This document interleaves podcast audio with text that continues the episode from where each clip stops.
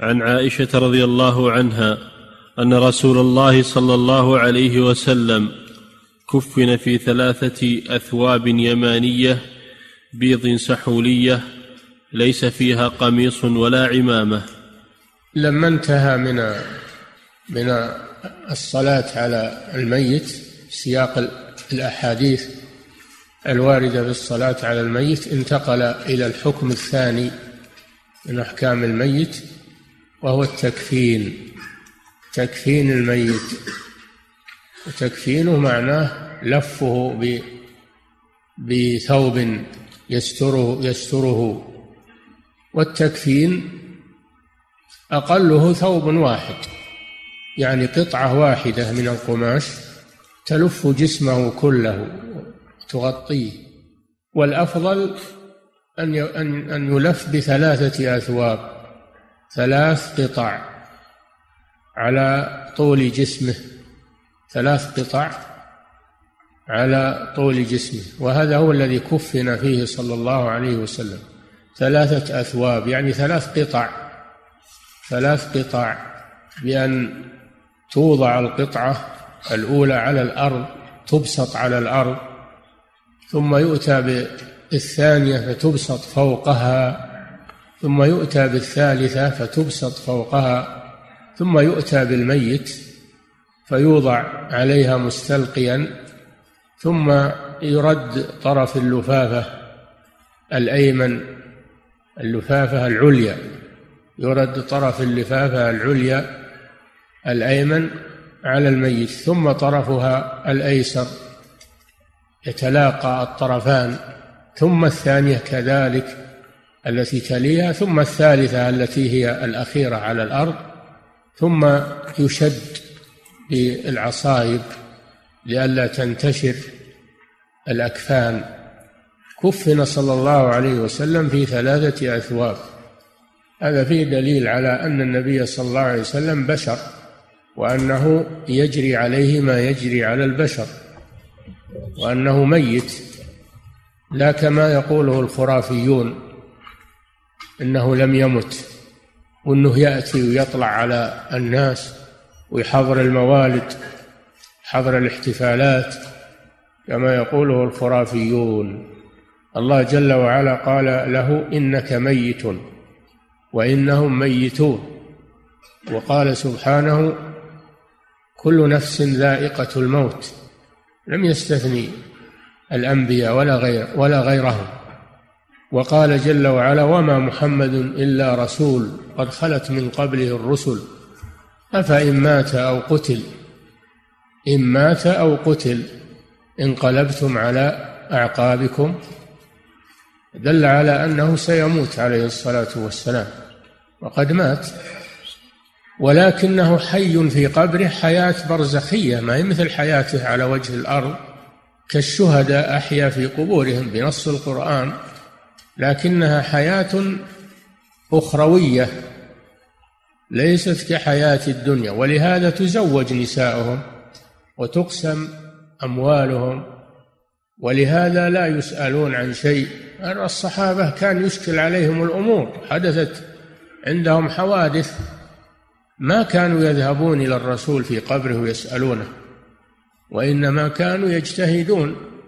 فيما بينهم ويتساءلون فيما بينهم ويحلون المشاكل التي تحدث. ما كانوا يذهبون إلى قبر الرسول صلى الله عليه وسلم يسألونه. ولو كان حيا كحياته على وجه الأرض لذهبوا إليه يسألونه. ما بينهم وبينه إلا مسافة يسيرة. ومع هذا ما يذهبون إليه. يجتمعون ويتداولون الرأي ويتذاكرون ما ورد عن الرسول صلى الله عليه وسلم في القضية ثم يعملون بذلك. الرسول صلى الله عليه وسلم ميت كغيره من البشر. أما أنه حي في قبره نعم.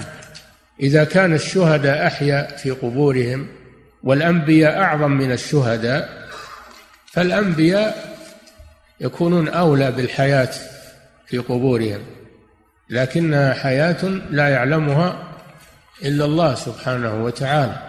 حياة برزخية تختلف عن حياتهم على وجه الأرض.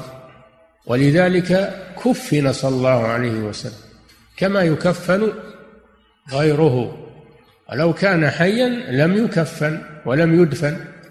غسل وكفن وصلي عليه ودفن.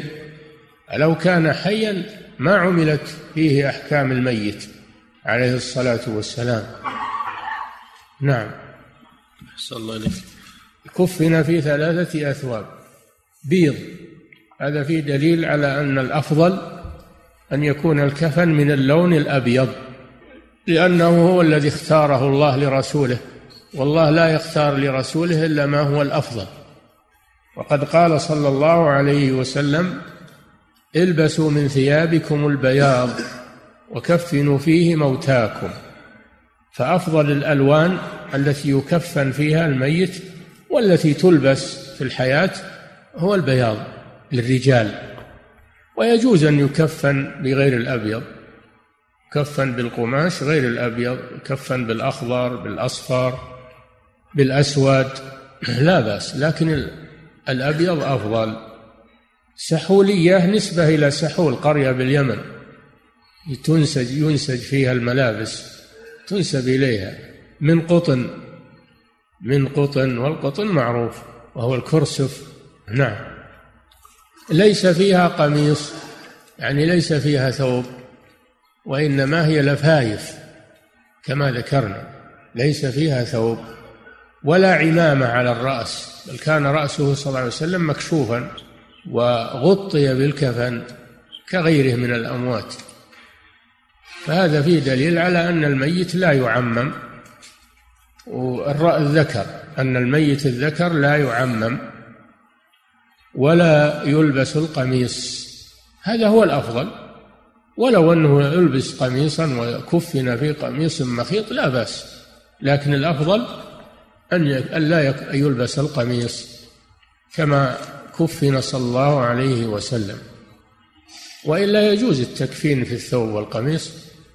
لأن النبي صلى الله عليه وسلم أعطى آه، ابن أبي قميصه وكفن فيه لما طلب ابنه لما طلب ابنه من النبي صلى الله عليه وسلم أن يعطيه قميصه وكان ابنه رجلا صالحا تقيا.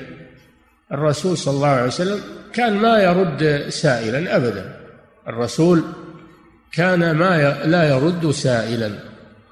فأعطاه قميصه وكفن فيه. مع أنه رأس المنافقين ويؤذي النبي صلى الله عليه وسلم لكن هذا من حسن خلقه صلى الله عليه وسلم. كما قال الله جل وعلا وإنك لعلى خلق عظيم وتكرمة لابنه تكرمه لابنه الصحابي الجليل الصالح تقي نعم.